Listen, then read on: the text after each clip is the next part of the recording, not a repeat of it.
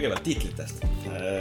et kuidas, kuidas sa ise nagu eelistad, kui sult küsitakse, et mis tiitlit me nüüd kasutame, kas sa oled kunstnik või disainer või kas seal üldse, kas seal üldse on vahet nagu sellel tiitlil sinu jaoks mm? -hmm. et äh, see on selles mõttes huvitav, et, et viimasel ajal äh, äh, mult on just küsitud kuidagi hästi palju selle kohta, et äh, mis tiitlid ja kus on piirid ja kuna ma sellele olen nagu mm, seda, sedasi piirideülese perspektiiviga vastanud, siis kuidagi on järjest rohkem minu poole pöördutud, et küsida, et äh, mis vahet ma näen kunsti ja disaini vahel.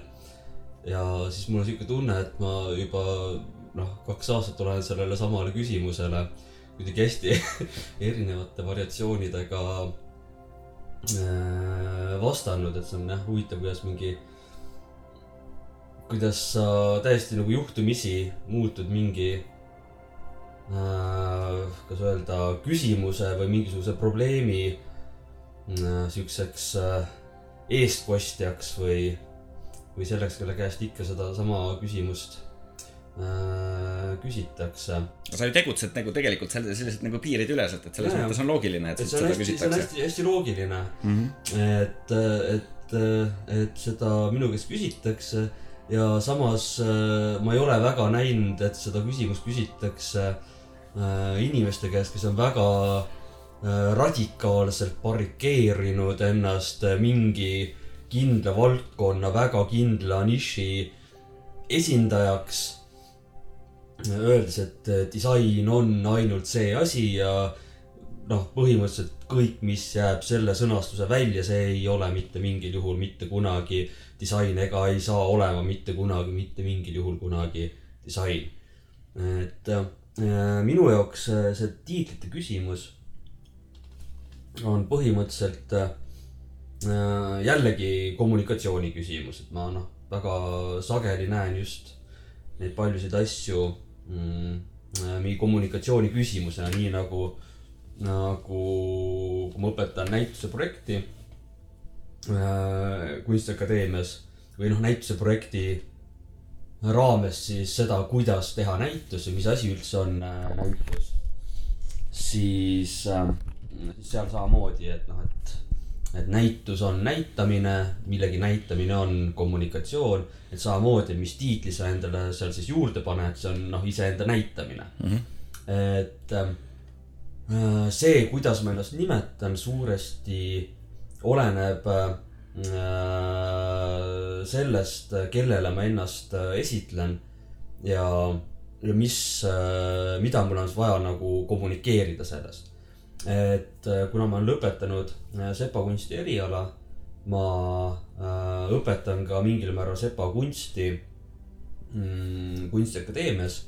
kui ma satun kokku teiste seppadega, kes on traditsioonilised sepad, siis mitte kunagi ei esitle ennast sepana, sellepärast et ma tean juba ette, et nemad või nende jaoks sepakunst kontseptsioonina on hoopis midagi muud kui mina seda mm -hmm. enda jaoks mõtestasin või minu rauaga läbikäimise, minu rauaga töötamise viis ei ole see, mida nemad äh, sepa tööks äh, üldse võiksid pidada mm. -hmm. nii et siis ma pean ennast tutvustama äh, rauakeskselt töötava disainerina või rauakeskselt äh, äh, mõtleva kunstnikuna ja mm -hmm. siis nad saavad aru, ahah, okei okay,, et ta on äh, on mingi tüüp, kes ka töötab meiega samasuguses töökojas, aga ta ei tee seal neid samu asju, mida meie teeme mm.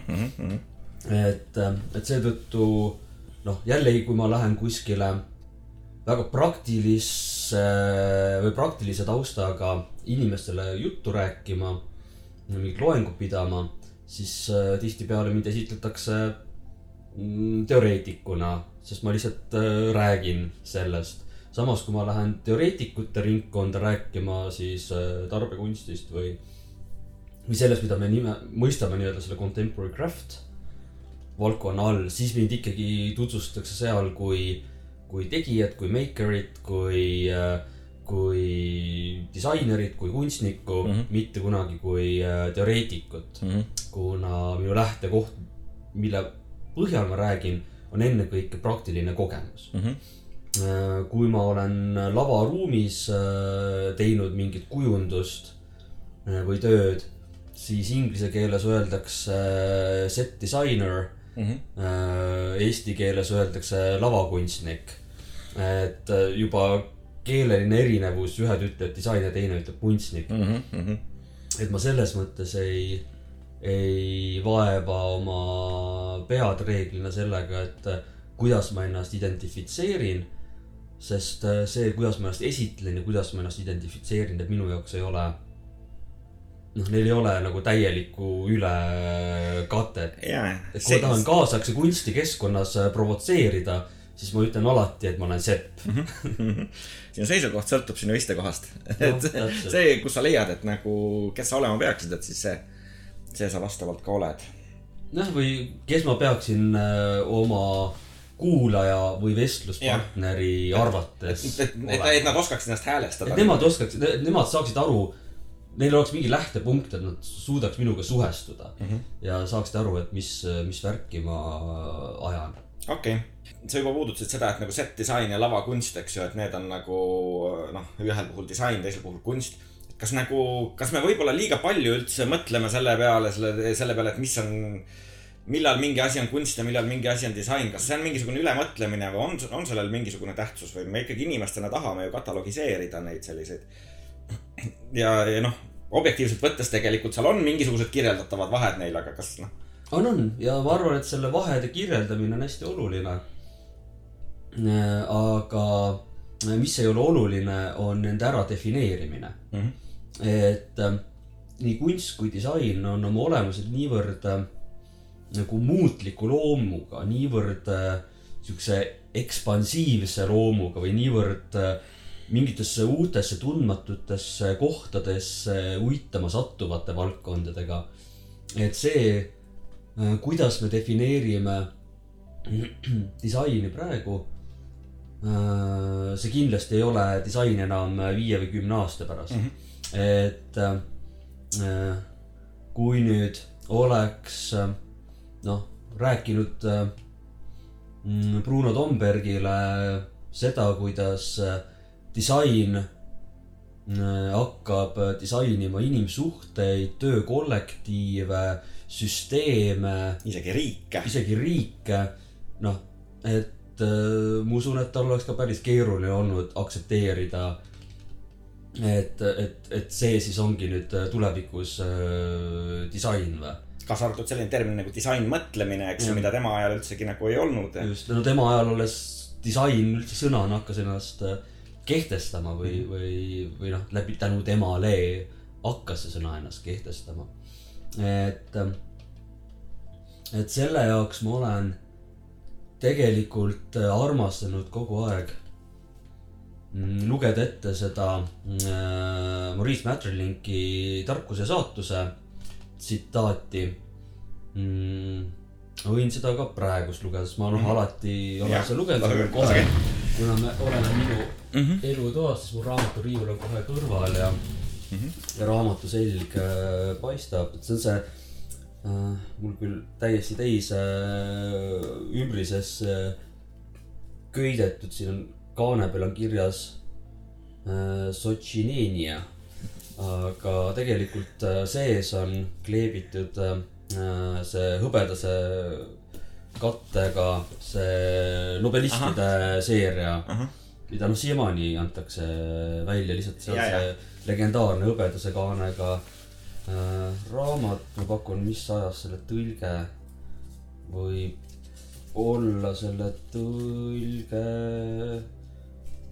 äh, Tartus välja antud on kolmekümne kuuendal aastal on tõlgitud, nii et seetõttu see,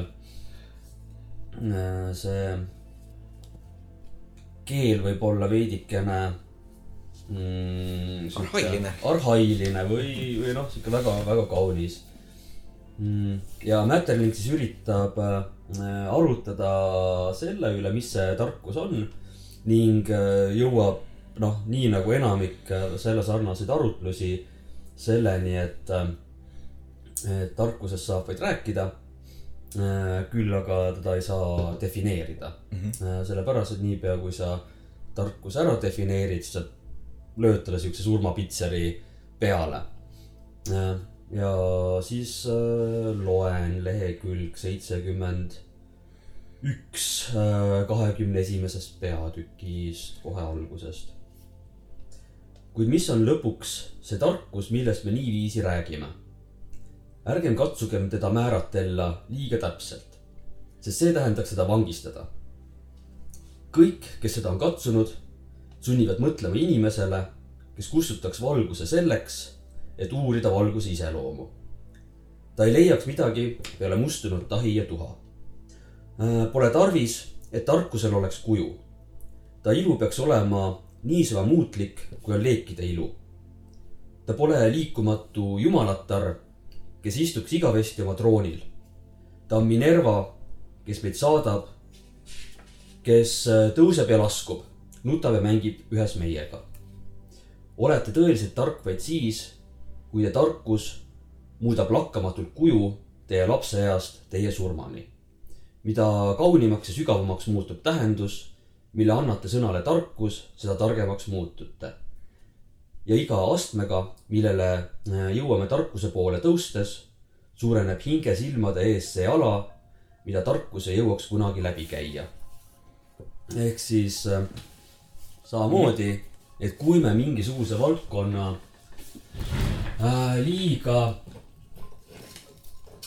ära defineerime, siis äh, see tähendab seda, et äh, me võtame ära sellelt valdkonnalt võime areneda mm,, levida, endal mingisuguseid uusi sõsaraid kuskile tekitada, mingisuguse täiesti teise erialaga mingit uut seost luua, et väga paljud äh, teadusharud ei ole ju mitte mingi totaalselt uus asi, vaid need äh, noh, nagu näiteks biosemiootika, mis oli täiesti revolutsioonilise mõjuga äh, filosoofilisel väljal, on ju bioloogia ja semiootika ehk märgiteaduse Mhm. seos, et ta on mingi loodusteaduse ja humanitaarteaduse mingi uus süntees nagu, sihuke uus süntees mm. -hmm. et äh, kui me ütleks, et, et äh, noh, loodusteadused tegelevad ainult sellega, bioloogia tegeleb ainult sellega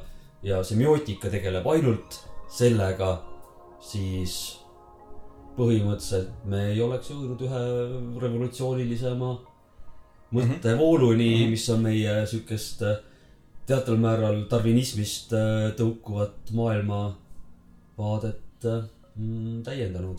jaa, see, see läheb üsna sinnamaani, mis ma olen ise ka vahetevahel tead Facebooki seinal ikkagi näed, kuidas maailm eksib, eks ju, ja siis sa proovid seda paika panna. et nende tõdemusteni, mis ma olen ise jõudnud, et kui, kui keegi ütleb, et tema nüüd teab nagu seda kindlat tõde, et siis ta tegelikult teab ainult dogma. et, et tõde ei ole võimalik nagu olemuslikult teada justkui et, et, et, et ku- kuna noh, kõik on pidevalt muutumises, eks ju, noh, rääkimata sellest, et igalühel on justkui nagu oma tõde, eks. Aga noh, on siiski on mingid, mingid kindlad objektiivsed asjad, mida me saame ju vaadelda ja mida, mida me saame mõõta, eks. aga sel-, sel-, sellest hoolimata isegi ka selles maailmas, kui keegi ütleb, et, et nii, nüüd asjad ongi täpselt nii, et siis ta tegelikult on ennast nii-öelda lukustanud äh, arenematusse nii-öelda noh, dogmasse põhimõtteliselt. selle kohta on jälle üks noh, väga hea näide, mida ma olen noh, tegelikult ju kogu aeg tudengitele ka toonud, ükskõik kus nagu vestluses ma olen. Just sellest nagu fikseeritusest ja fikseerimatusest äh, rääkinud. et me olime Kunstiakadeemia õppejõududega Viljandis äh, ühel noh, siukse Kristjan Mändmaa, tollane dotsent äh, korraldas meile ühe siukse mõttetalgu ja selle mõttetalgu juures siis noh, läksime kõik ühte, ühte kohta Viljandimaal, kus me saaks siis rahulikult kaks päeva arutada, mis asi see kunstiharidus siis on, kuidas siis kunsti õpetama peaks, mis on kunstihariduse eesmärgid ja nii edasi ja nii edasi ja nii edasi. ja üpris kiiresti läks kogu see pundar inimesi omavahel raksu või noh, mitte nagu raksu, aga väga tekkis elav diskussioon. väga elav diskussioon, väga kirglik diskussioon, mille järel, kui see diskussioon jõudis vaibuma hakata, siis äh, järjest hakati äh, kuidagi äh, jõudma sellesse faasi, et ah, ega, ega me keegi ju ei tea, mis see kunstiharidus on ja mitte keegi noh, et noh, et kõik, kes arvasid, et neil on mingisugune seisukoht, kõik siis hakkasid kuidagi mingi hägune lootusetus tekkis. mingi hägune, hägune lootusetus, väga, väga hästi sõnastatud, aga, aga Kristin oli kutsunud sinna ühe äh, siis äh, inimese äh,, kes oli elukutseline moderaator ning tema põhiline töö oli siis ärikohtumiste modereerimine mm. -hmm. kus äh, noh, põhiliselt tema ülesanne oli see, et äh, kui ärikohtumine lõpeb, siis oleks mingisugune tulemus. ja tulemus on ka see, kui ei jõuta lepinguni, aga et see jääks kuskile nagu õhku, vaid et kõik saaks oma mõtted välja käia ja mingisugune tulemus oleks kas positiivne, negatiivne. aga peaasi, et ei oleks jah, sihukest õhku rippuma jäävat asja, mille et olukord oleks erinev kui see, selle, sellest, mis nad nagu koosoleku alguses olid. jah, täpselt ja et nad ei peaks hakkama uut koosolekut täpselt samast koosoleku lähtepunktist. lõpust ei peaks hakkama samas lähte, samasse lähtepunkti looma uut koosolekut, mis suure tõenäosusega samamoodi kuskile ei, mm -hmm. ei jõua.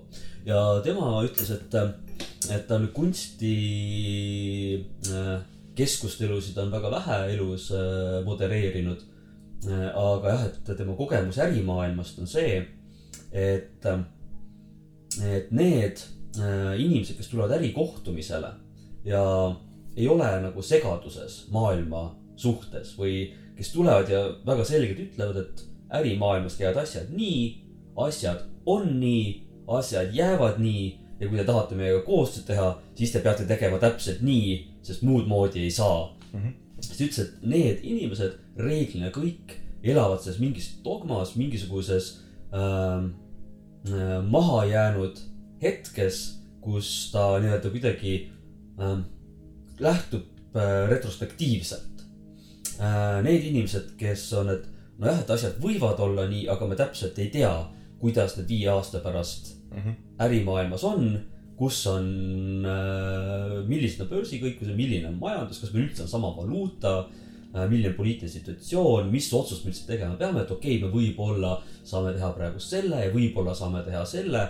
noh, kumbki neist ei ole hea, aga noh, midagi peab ära tegema, järsku valime siis selle mm. -hmm. et need inimesed on märksa rohkem äh,, need inimesed, kes on nagu segaduses, nad ei tea täpselt, mis toimub, need inimesed on märksa rohkem kohal, märksa rohkem adekvaatsed arutama, mis nagu toimub ja suure tõenäosusega need ärijuhid, kes on väga selgetel seisukohtadel, et asjad on nii ja asjad jäävad nii, noh, suure tõenäosusega nende firma läbib lähiajal kas väga suure krahhi mm -hmm. või pankroti või lihtsalt see inimene eemaldatakse mingi hetk, kuna ta ei ole võimeline enam adekvaatselt äh, seda ettevõtet juhtima ja võetakse uued inimesed pukki. ja, ja need, kes on näiliselt nii-öelda ebakindlamad, nemad tegelikult langetavad potentsiaalselt selliseid kohanemisvõimelisemaid otsuseid, eks.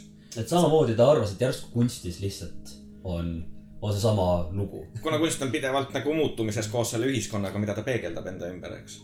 seda nii-öelda ärijuhtide teemat ma olen ka lugenud, et see on see hipo efekt, mida on täiesti teaduslikult uuritud, eks ju, et highest paid person in the room, kelle, kelle arvamus tavaliselt nagu äh, kõige tugevamalt loeb, kes on kõige suuremapalgaline ja kellele tavaliselt ei julgeta vastu vaielda.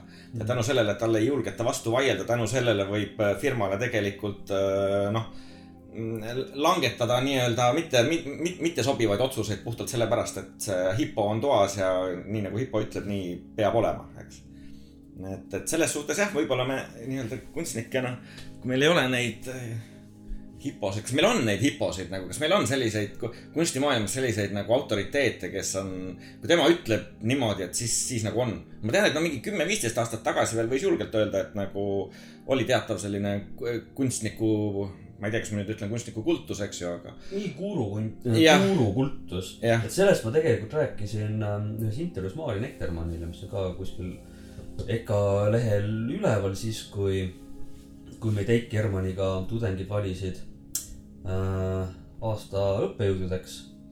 ja meil mõlemal Eigiga ja Marge Munk oli siis aasta äh, õppekavajuht, et me siis kolmekesi rääkisime, me kõik olime nõus sellega, et see selline guurukultus on mm, või nagu vastuvaidlematu autoriteet on asi, mis äh, praeguse generatsiooni jaoks on täielikult äh, kuidagi kokku kukkunud mm. -hmm. või noh, meie jaoks on see kokku kukkunud, nende jaoks ei ole midagi kokku kukkunud, nemad äh, seavad kahtluse alla iga sinu sõna olemata sellest, äh, kui autoriteetne sa ühe või teise inimese jaoks oled Mm -hmm. ja see on ka hästi palju muutnud mu enda ähm, mm, seda nagu mõtteviisi või, või suhtlemisviisi, eriti kui ma tudengitega suhtlen.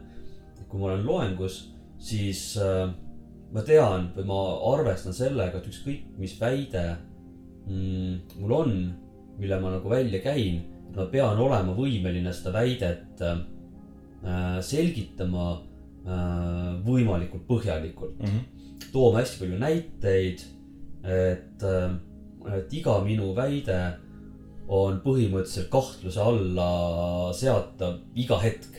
isegi kui ma loengut mm -hmm. pean ja inimesed äh, kuulavad ja noh, see on, see on päris sage, et aga kas ikka tõesti on ja um,. kuule, aga räägime natukene asjadest. sa oled palju kirjutanud Sirbis ja Müürilehes ka nii-öelda asjade maailmast ja sellest, kuidas on asjad inimestega seotud, kuidas inimesed mõjutavad asju ja kuidas asjad ühtlasi inimesi mõjutavad, et see on tegelikult ju siukene kahepoolne tants, eks. Sa mingil hetkel oled selleni jõudnud, kas see oli kas sa ise teadvustasid, ahah, okei okay,, see teema pakub minu jaoks huvi?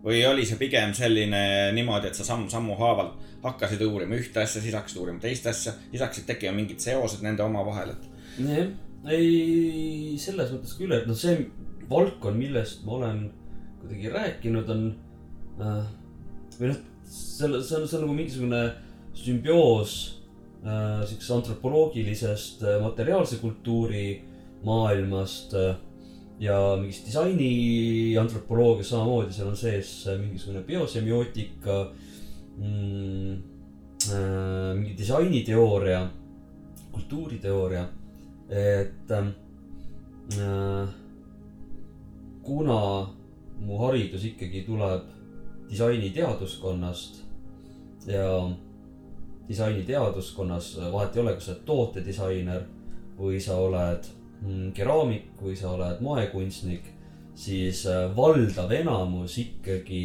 tegeleb äh, mingite asjade tegemisega. mida rohkem sinna crafts'i poole, seda rohkem sa tegeled mingite asjadega. et noh, tootedisain on läinud rohkem teenuse äh, ja süsteemi disaini peale praegust, kuna see lihtsalt on, selle, selle, selle, selle nagu valdkonna järgi on nõudmist palju, aga samas, mida rohkem äh, suundutakse äh, toote mm, disainis just teenuse disaini peale, seda rohkem nende tibukesed ka meie metallitöökodadesse, keraamikasse, klaasi ära eksivad, lihtsalt et et äh, noh, inimene vajab seda balanssi idee ja taktiilse maailma äh, vahel.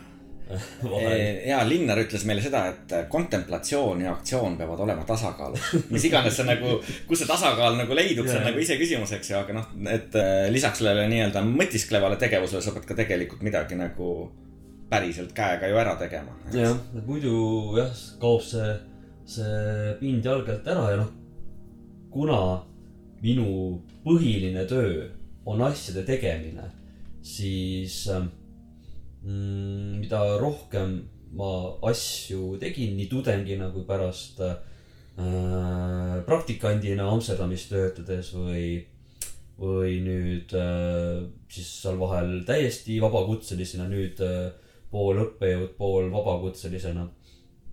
et, et mind on järjest rohkem äh, hakanud huvitama asjade eel ja järelelu rohkem kui nende asjade noh, mingi faktiline olemasolu.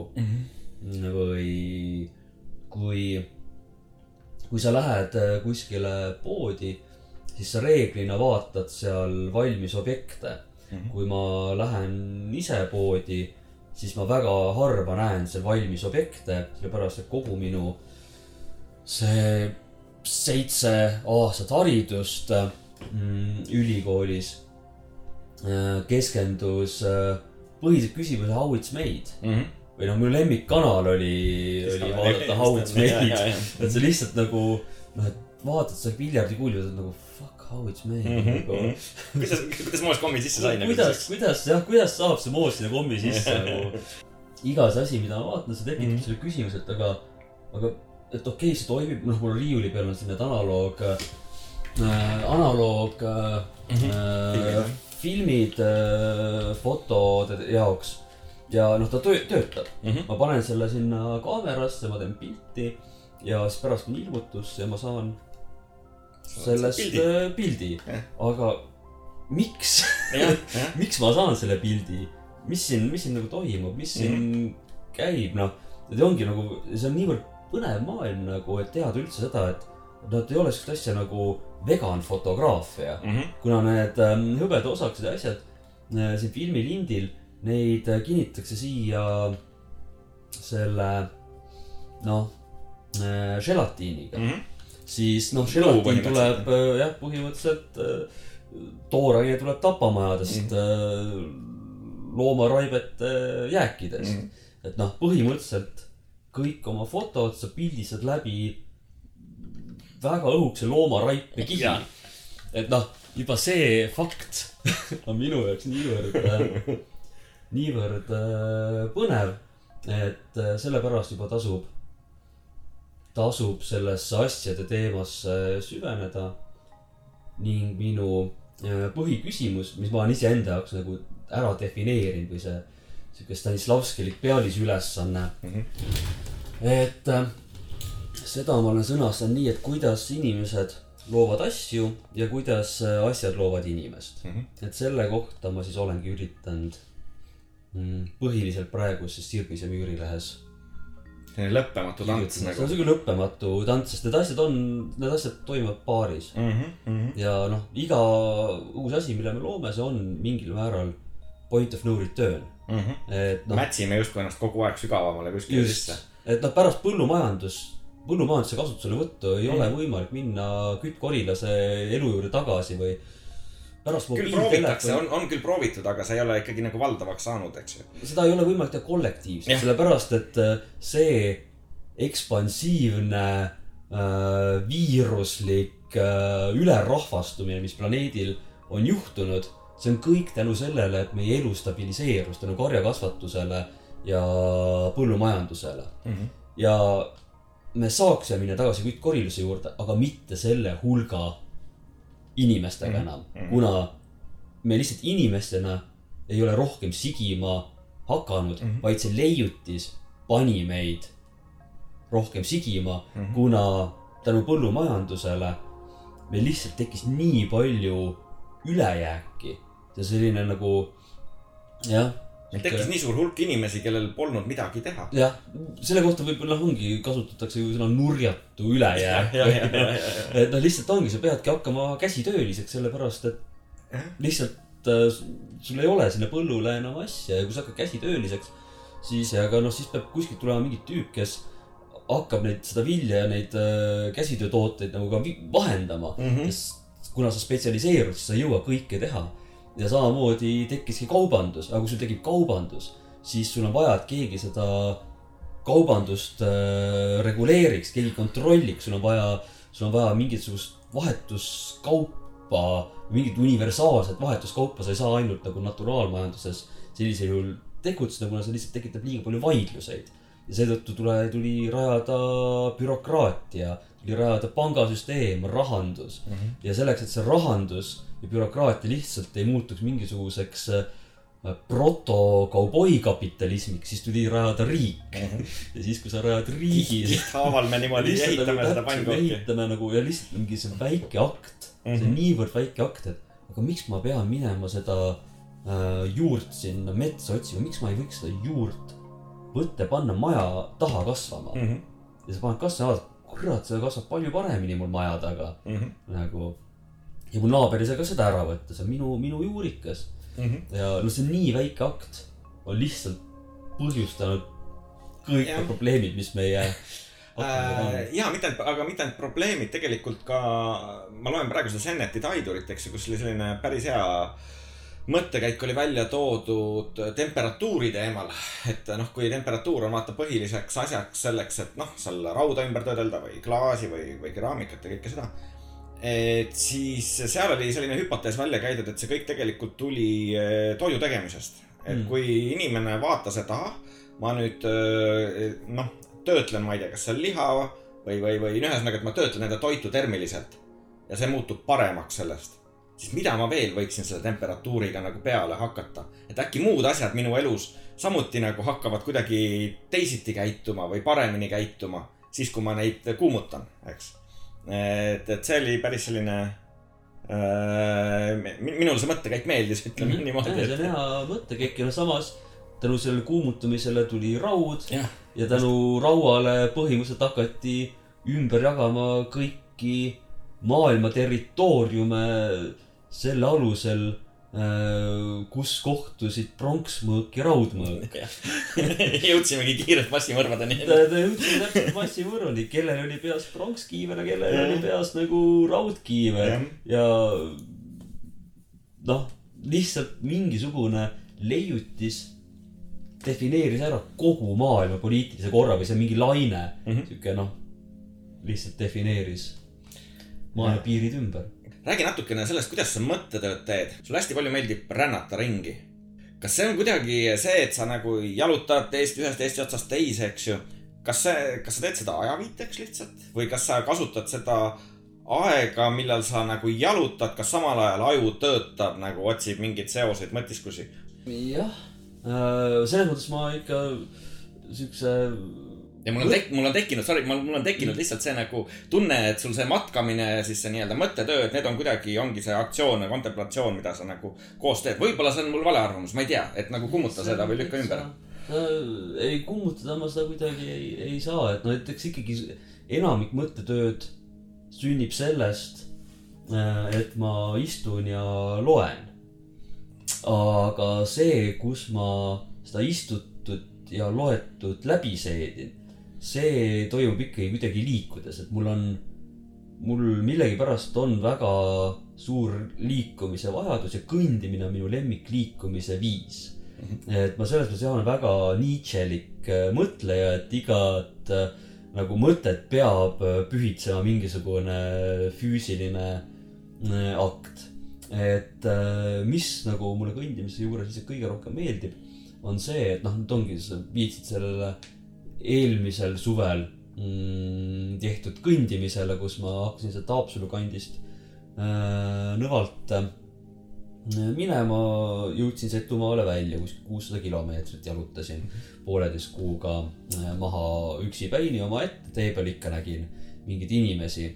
aga noh, see lugude arv, mis ma seal nagu kuulsin, avastasin, mingisugused juhtumised, noh, see kõik, noh, see on niivõrd nagu rikkalik, et seal Setumaa, Põlva ja Setumaa kandi vahel kuskil olid ühed siuksed suured liivaluited kus olid kunagised äh, esimese vabariigi aegsed mm, äh, siis äh, sõjaväe äh, laskmisalad ja siuksed polügoonid ja kasarmud. ja seal näiteks lihtsalt oligi mingi stend mm,. noh, lihtsalt oligi jalutajatele sihuke kodulooline stend, kus räägiti, kuidas nendes polügoonidel siis küllaltki sageli olid äh, suviti metsapõlengud, kuna plahvatused ja näiteks noh, kui sa mingi miiniheitjaga seal harjutusi tegid, siis, siis noh, ikka mets läheb äh, põlema, ma olen ise täpselt sõjaväes samasugust metsatulekahju kustutanud. ning äh, kuna seal need metsad on ikkagi niivõrd kuivad, männimetsad, et siis ta ikkagi läheb suht raginaga. ja seal oli üks ühe, ühe maja juures, või see maja enam ei olnud, aga seal ühe, ühe maja koha juures siis silt kuidas äh, oli ka läinud mets põlema ja see mets oli hakanud jõudma siis äh, maja juurde. ja noh, oli tõesti noh, loetud hetked äh,, millal see tuli siis majani jõuab ja kõik maha põletab ja noh, selle tule vastu kuidagi ei saa mm,. mingi ämbriga seda männimetsa seal mm -hmm. ära ei kustuta äh,. ning äh, selle maja perenaine oli kodust kokku otsinud kõik oma ikoonid ja naelutanud maja välisseina peale tulekahjupoolse välisseina Ahah. peale. ja tuli oli jäänud enne maja. nii et oli, oli, oli Oli ära, oli ära vaibunud oli, kasu sellest? oli kasu sellest mm. -hmm. ja kui sa loed nagu sellest kohast seda lugu, siis noh, minu jaoks on ikkagi kõige olulisem mingisuguste seoste loomine. ja sa kogu aeg lood mingid seosed, noh artiklite jaoks ka mul on sellise, noh, seesama see oluliste asjade autoriveerg, mis mul Sirbi jaoks on. et mul on ka sihuke kümmekond Wordi dokumenti, kus ma panen äh, mingeid mõttekirju, mis ma olen kuskil näinud. ja siis, kui mul selle mõttega midagi seostub, siis ma panen selle ka sinna kirja. Ja kui sellega midagi seostub, panen selle ka sinna kirja. mingi hetk see mingisuguste seoste kogum on tekkinud, on muutunud seal Wordi failis nii äh, rohkearvuliseks ma näen, kurat, et sellest annab artikli kokku panna. ja siis ma hakkan seda nagu läbi mõtlema, siis ma hakkan juurde lugema äh,, sõeluma, rehitsema, siluma, mida iganes. ja noh, siis ongi kord kuus Sirbi tagaküljel, see reede samamoodi. suhteliselt orgaaniliselt tegelikult sünnib väga niimoodi. orgaaniliselt, Jah. aga, aga see kõndimine, liikumine ja liikumises olemine on minu jaoks äh, on hästi oluline ja mida ma ütlen selle kohta veel, et äh, ma ei salli reisimist. mulle ei meeldi reisida, nagu äh, lennukiga reisida või üldse nagu? üldse reisida. mulle meeldib kohal olla.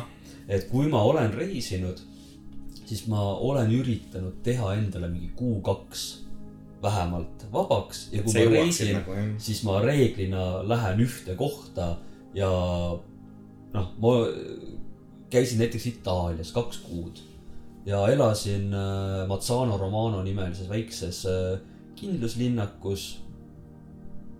noh, ma ei kujuta ette, mis kohaga suuruselt seda Eestis võrrelda äh, Huu laulis depressiivsetest Eesti väikelinnadest, ma arvan, et kõik on suuremad kui Mazzano Romano.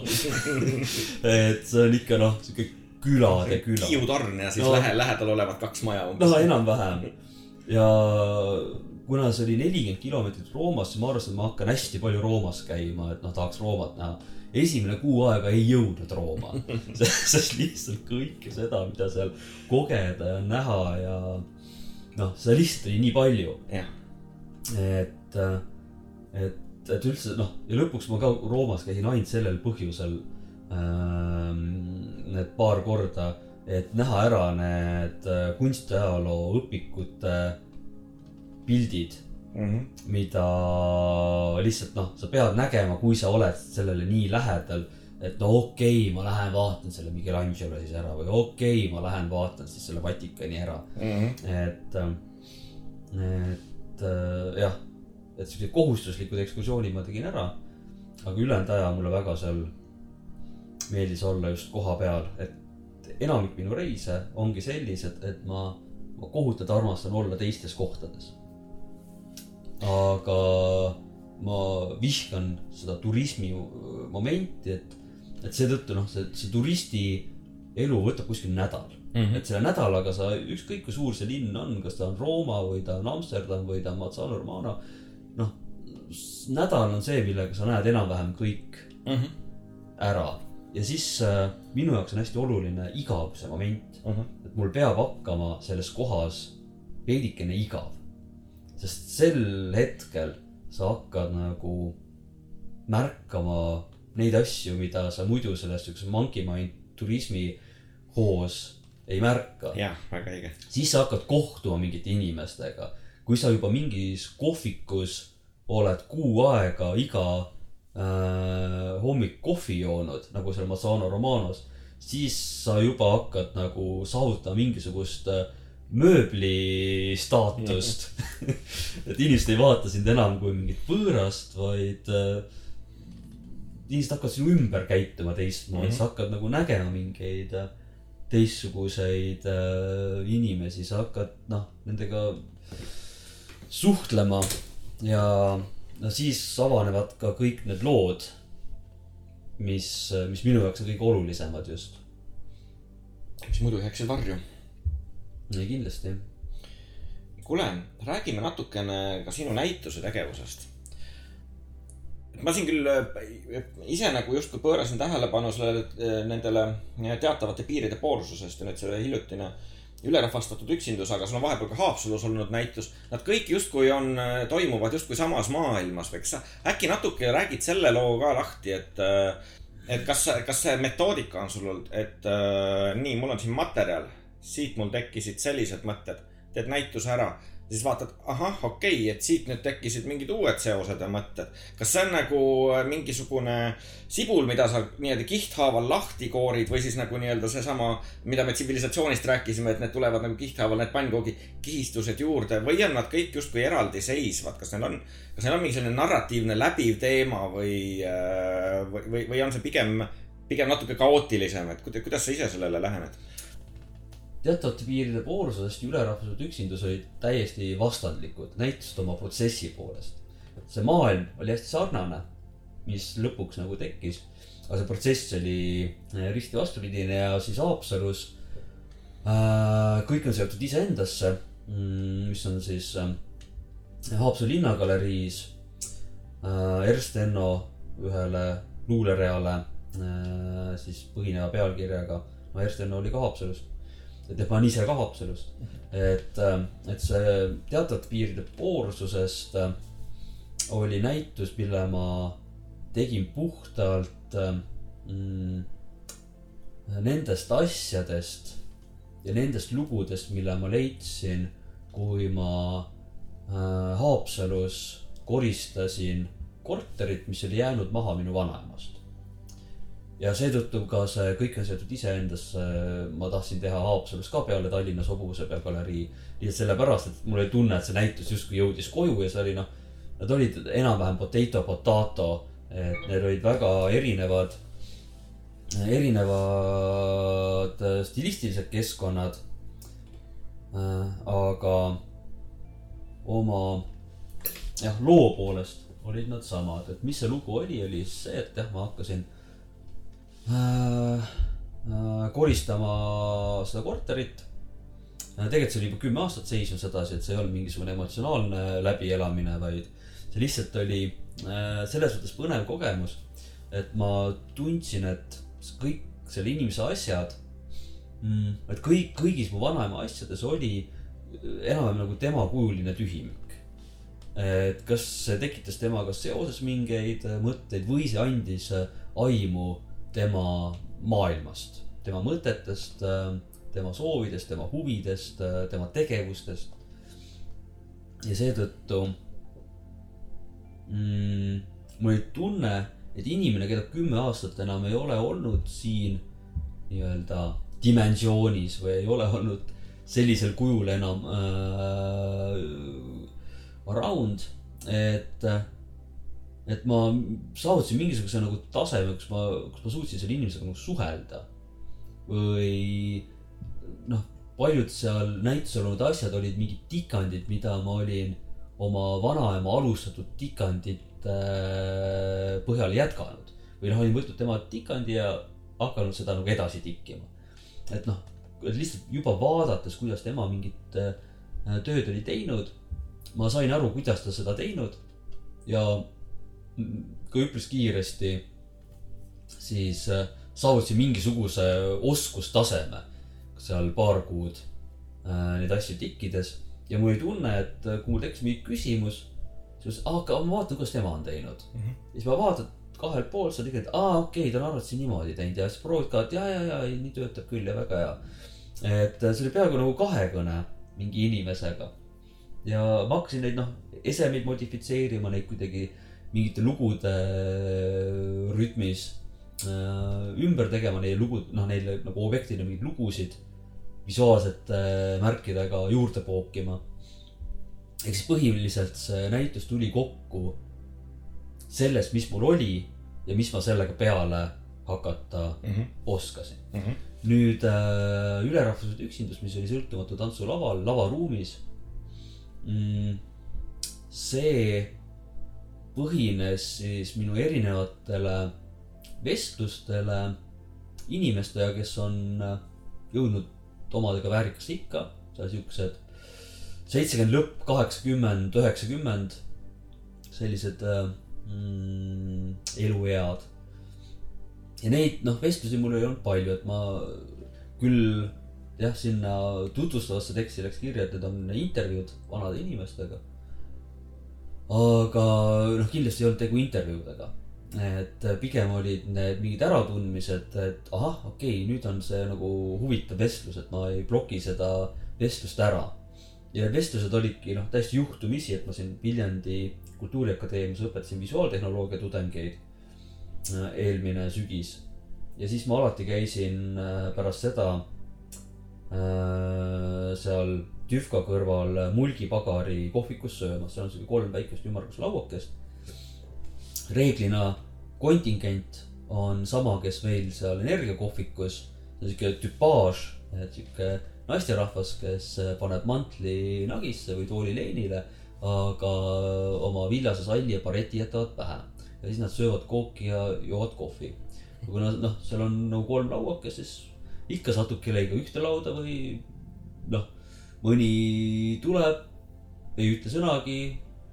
heal juhul võib-olla ütleb äh, nägemist või küsib, et kas tohib. või küsin mina tema käest, kas tohib. ja noh, teine inimene istub maha, hakkab kohe sulle oma elulugu rääkima.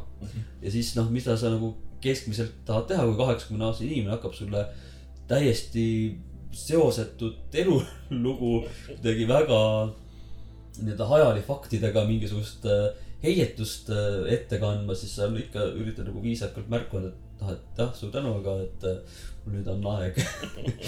või teil on aeg või.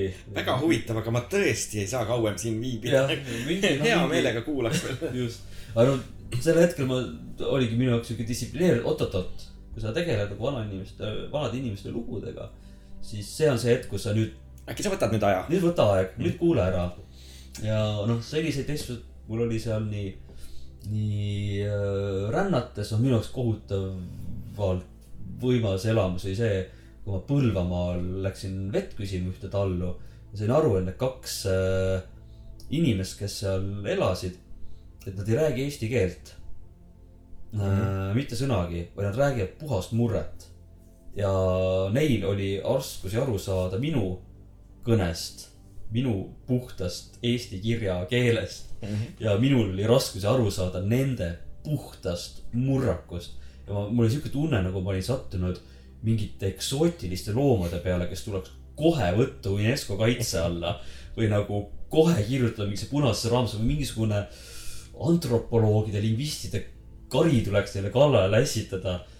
et nagu leida praegusel hetkel Eestimaa pealt inimesed, kes ei räägi eesti kirjakeelt, vaid räägivad puhast murret, see oli noh, mind-blowing mm -hmm. elamus.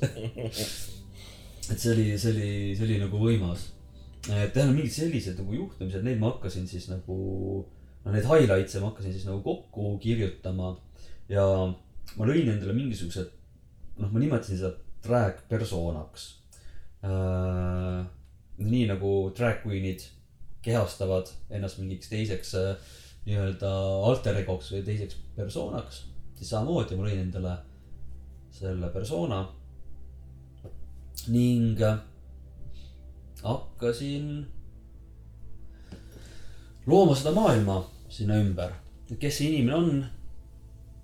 see fiktiivne inimene, hakkasin enda suhu kirjutama kokku neid lauseid ning äh,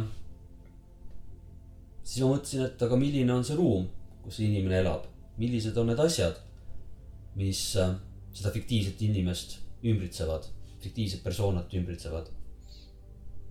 ning selle baasilt siis see näituse tervik valmiski. mm. -hmm.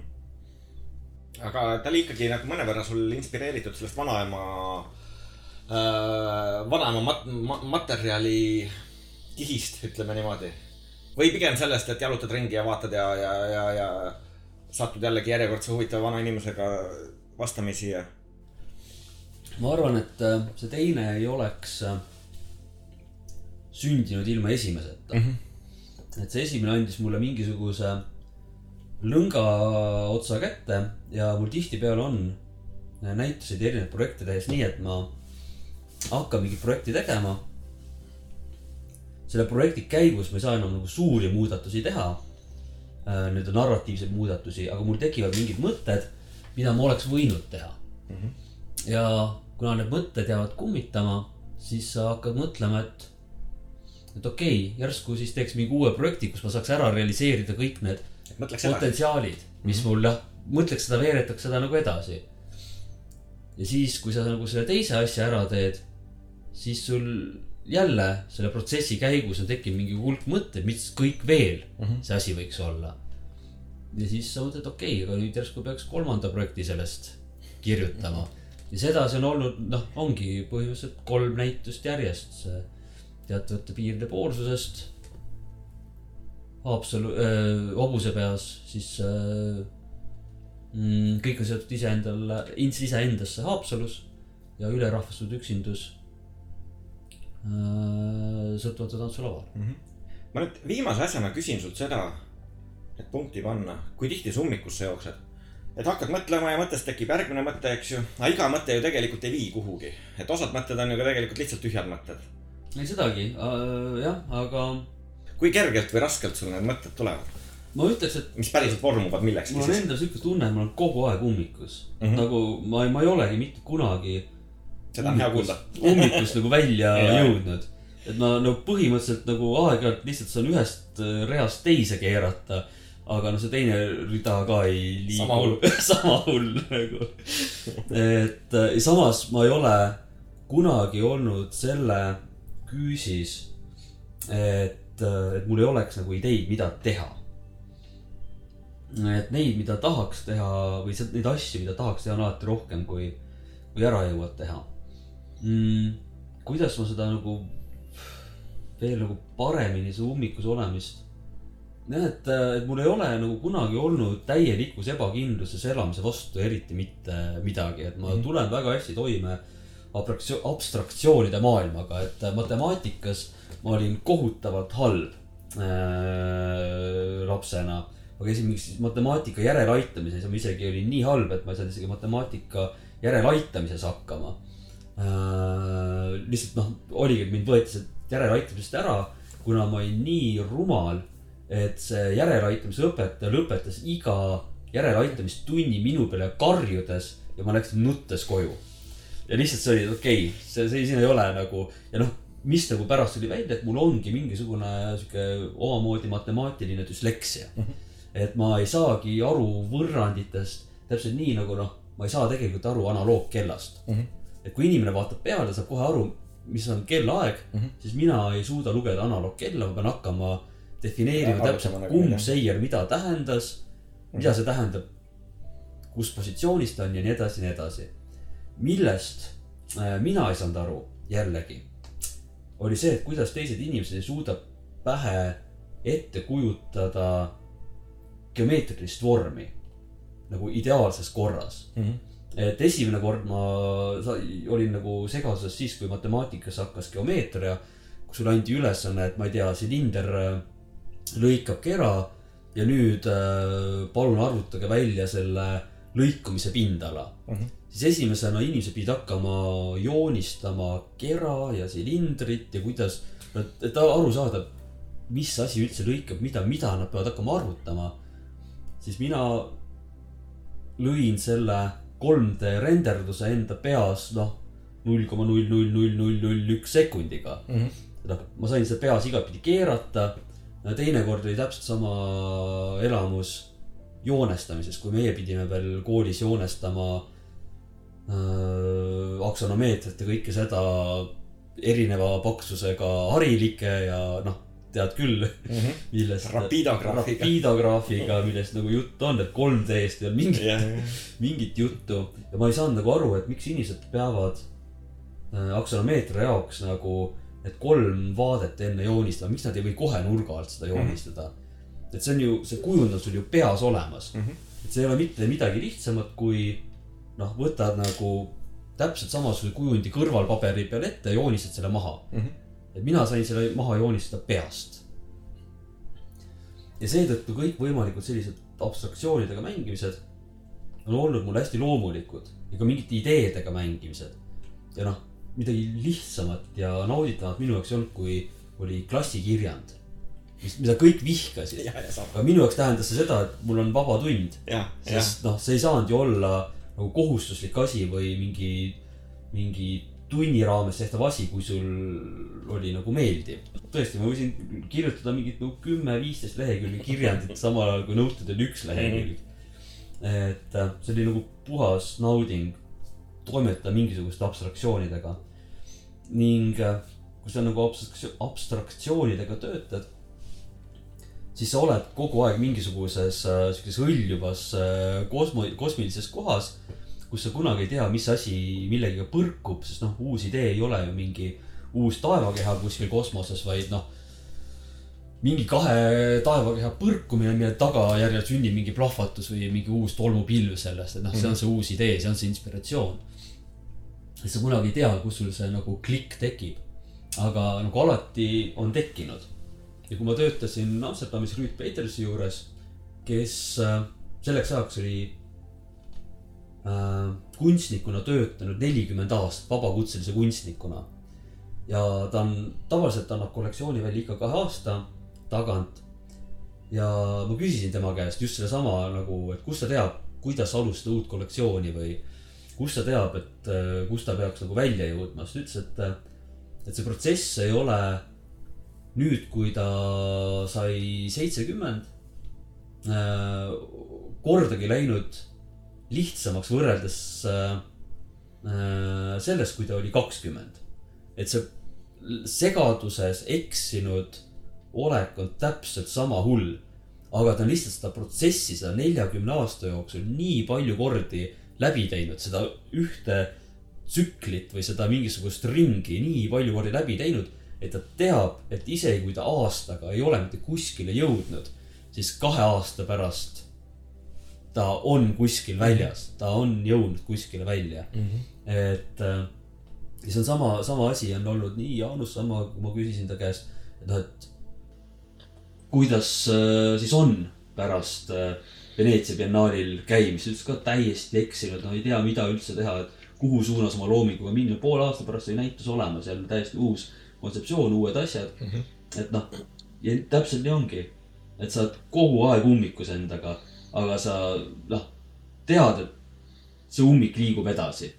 sa tead, et noh, see segaduses olu- olemine ja, see segaduses olemine ei tähenda, et sa pead olema ebakindel mm. -hmm. sa võid olla väga kindlameelselt väga segaduses. väga enesekindlalt segaduses. seda, seda ma enda puhul nagu nagu tunnen, et ma, ma, ma ei saa öelda, et ma oleks ebakindel Mhm, inimene jah, mul oleks ebakindlus.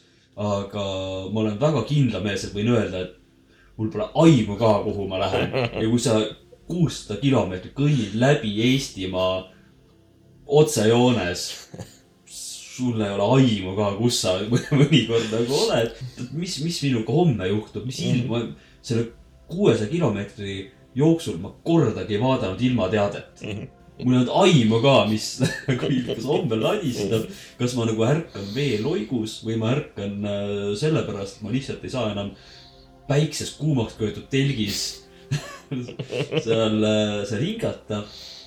et, et, et jaa, need on nagu kaks, kaks asja, mis, mis äh, on üksteisest mingil määral äh, sõltumatud. Minu arust enesest kahtlemine on nagu see võtme, võtmeküsimus selle juhul ka, ma arvan, et, et kui ma nagu viie aasta pärast või kümne aasta pärast või kahekümne aasta pärast teen täpselt neid samu asju, mis ma praegust teen ja mõtlen neid samu mõtteid samal viisil, nagu ma praegust mõtlen, siis mul oleks päris äh, nagu kahju. Ja mul oleks kohutavalt äh, kahju, kui ma mõtleks ja elaks täpselt samade aadete järgi, kui ma näiteks viieteist, kaheksateist või kahekümne aastaselt äh, elasin, et see Väga mul on väga, mul on selle üle väga-väga-väga hea meel. et see, see muutus on toimunud ja ma usun, et äh, kui ma olen, olen viiskümmend ja mõtlen äh, tagasi, siis ma mõtlen lohutusega, jumal tänatud, et ma ei ole enam see inimene, kes ma olin kolmekümneselt. jah, nii, kuule, aitäh sulle ja varsti näeme jälle. onju.